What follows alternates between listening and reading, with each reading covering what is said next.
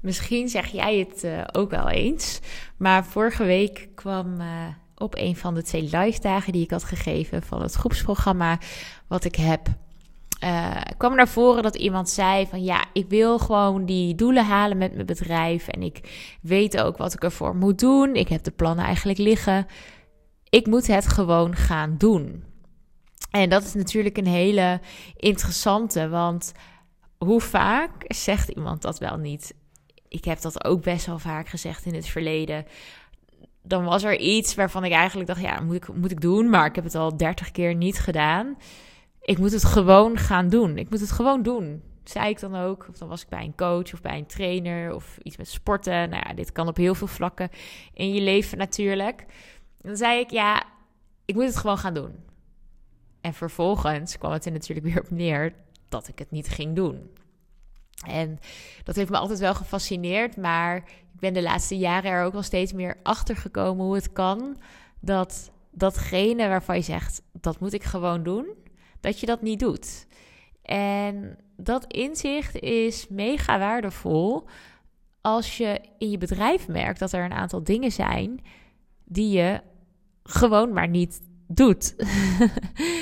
um, want weet je, als het zo makkelijk was als ik moet het gewoon gaan doen,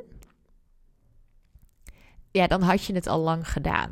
Dan hadden andere mensen heel veel dingen ook al gewoon gedaan.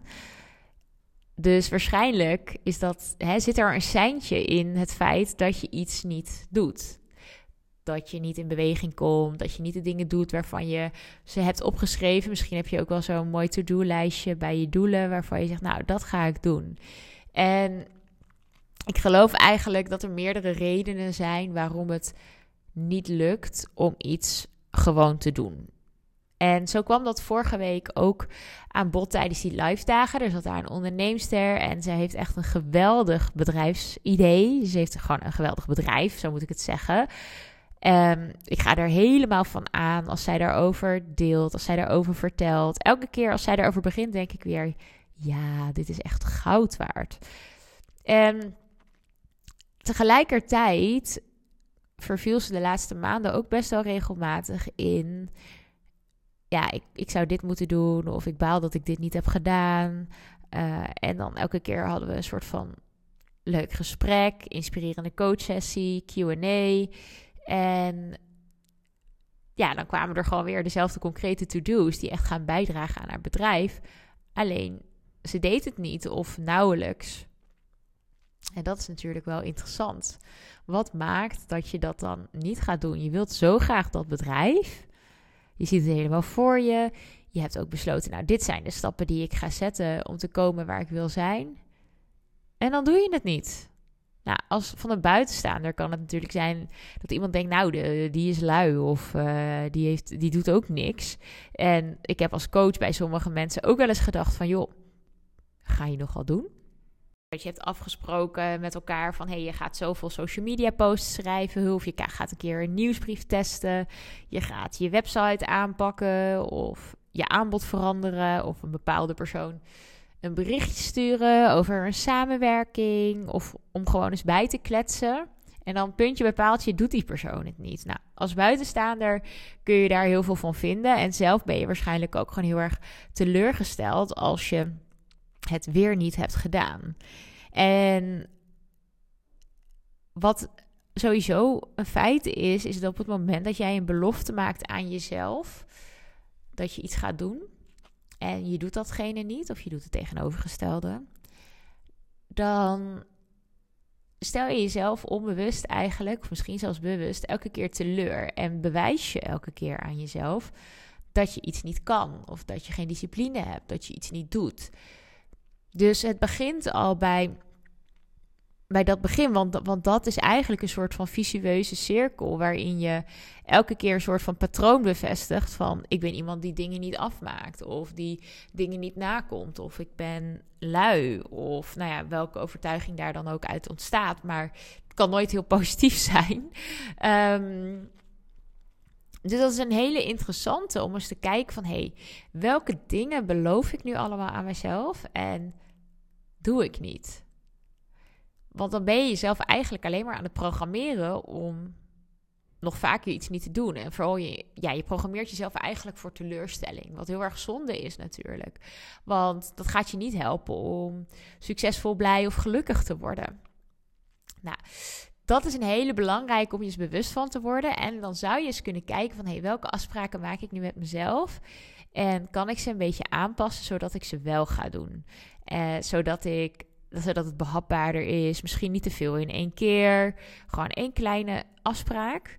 En dat kun je eigenlijk al oefenen door uh, in het moment dit vaker te doen. Dus niet alleen met grote doelen, maar als jij zegt van nou, um, ik ga nog vijf minuten even op Instagram.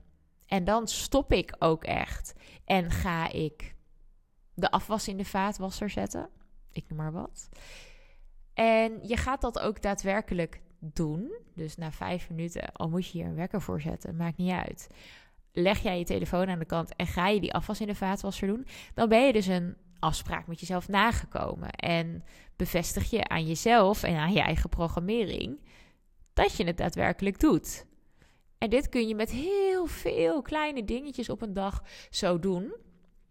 En daarmee verander je eigenlijk al je eigen soort van ontrouw met je eigen gewoontes. En dit is echt weer een hele mooie reminder, want ik heb dit een tijdje best wel steady gedaan. En dat hielp echt om andere dingen ook daadwerkelijk te gaan doen. Omdat ik gewoon gewend was, hey, als ik mezelf iets beloof, dan doe ik dat. Um, en nu heb ik ook wel eens een periode door bijvoorbeeld privéomstandigheden. We zijn bezig met een, uh, bouwval te verbouwen. En ik ben bezig met een NLP-master. En ik heb mijn eigen bedrijf. En nou ja, zo waren er meerdere dingen tegelijk. Waardoor ik soms wat lager in mijn energie zat. Of het eventjes niet meer overzag. En ik ook vaker van die afspraken een soort van niet nakwam bij mezelf.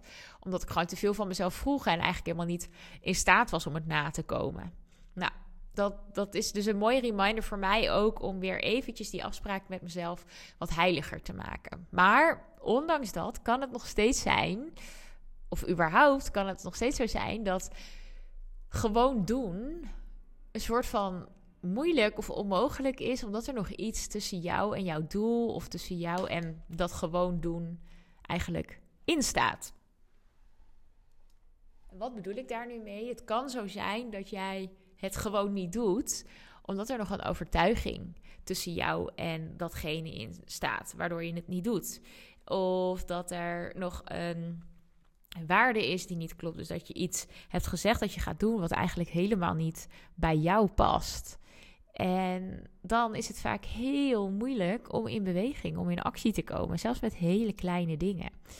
En bij een van mijn klanten ging dat bijvoorbeeld over zekerheid en onzekerheid. Dat stond gewoon ertussenin. Dus zolang zij dat nog voelde, ja, was gewoon doen geen optie. Want ze werd elke keer als een soort van elastiekje teruggetrokken naar onzeker gedrag, wat ervoor zorgde dat ze niet in actie kwam. Ze kon nog 30 beloftes maken, maar zolang dat er nog tussenin stond. En toen hebben we een hele mooie oefening gedaan, waardoor zij zich gesterkt voelde en dat obstakel van die onzekerheid letterlijk overstapte. En dat wil niet zeggen dat het er nooit meer is, maar het begint bij de bewustwording van dat er iets tussen jou en dat doel of die actie in staat. En op het moment dat je daar niet aan werkt ja, dan, dan kun je nog 30 keer zeggen: Ik ga het gewoon doen. En ik kan je beloven, je gaat het 30 keer gewoon weer niet doen. Dus dat is ook in het bouwen van je bedrijf zo. Je kan zo'n mooie strategie bedenken. Maar als je hem niet helemaal tot bloei kan laten komen, tot uitvoering kan laten komen, omdat er nog een waarde of een overtuiging, een patroon tussenin staat, dan wordt het heel erg lastig om het tot een succesverhaal te maken. En ja, dat is natuurlijk onwijs zonde, want ik weet zeker dat jij het in je hebt, dat je het gewoon kan realiseren en dat je het ook letterlijk gewoon kan gaan doen, maar dat dat gewoon niet zo gewoon is. En weet je, als gewoon doen, als het werkelijk zo makkelijk was, dan was iedereen topsporter. Dan was iedereen succesvol ondernemer of, of wat je ook maar ambieert. Dan was het niet zo ingewikkeld meer. Maar om het gewoon te gaan doen, heb je meer over jezelf te leren, meer inzicht over jezelf te krijgen, te voelen wat er tussen jou en dat doel in staat. En op het moment dat je dat ervaart en daarmee aan de slag gaat, dan zul je merken dat je echt gewoon als een ander persoon naar bepaalde acties of doelen kijkt. En zo was dat ook bij die klant van mij. We hadden een mooie oefening gedaan, wat echt een doorbraak was. Dat zag je aan alles aan haar. Maar daarna stond er gewoon letterlijk een andere vrouw voor me. En uh, de volgende dag was zij ook gewoon met zo'n andere energie op die live dagen. Dat, dat vond ik zo gaaf om te zien en te merken. En zij kwam ook veel meer in de actiemodus. En ze voelde ook van, hé, hey, er is in mij iets veranderd en daarom kan ik het nu gaan doen. En dat wil niet zeggen dat er nooit meer onzekerheid is of dat er nooit meer iets is wat je tegenhoudt. Maar dat bewustzijn en daarmee aan de slag gaan, dat gaat voor een heel groot verschil zorgen in je bedrijf. En dat is een boodschap die ik veel meer wil meegeven. Het is niet zo makkelijk als een stappenplannetje volgen of gewoon doen.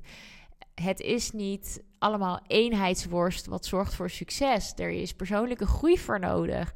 Je eigen definities over wat belangrijk voor je is. Je eigen waarden. Ze zijn zo belangrijk in het proces van het bouwen van een bedrijf dat echt bij je past.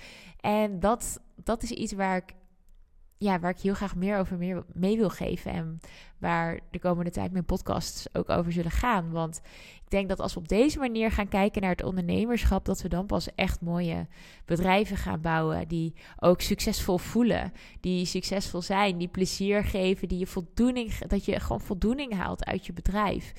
Dat is wat ik je heel erg gun. En ik ben heel erg benieuwd hoe jij kijkt naar gewoon doen. Loop je daar tegenaan? Heb je daar een bepaalde mening over?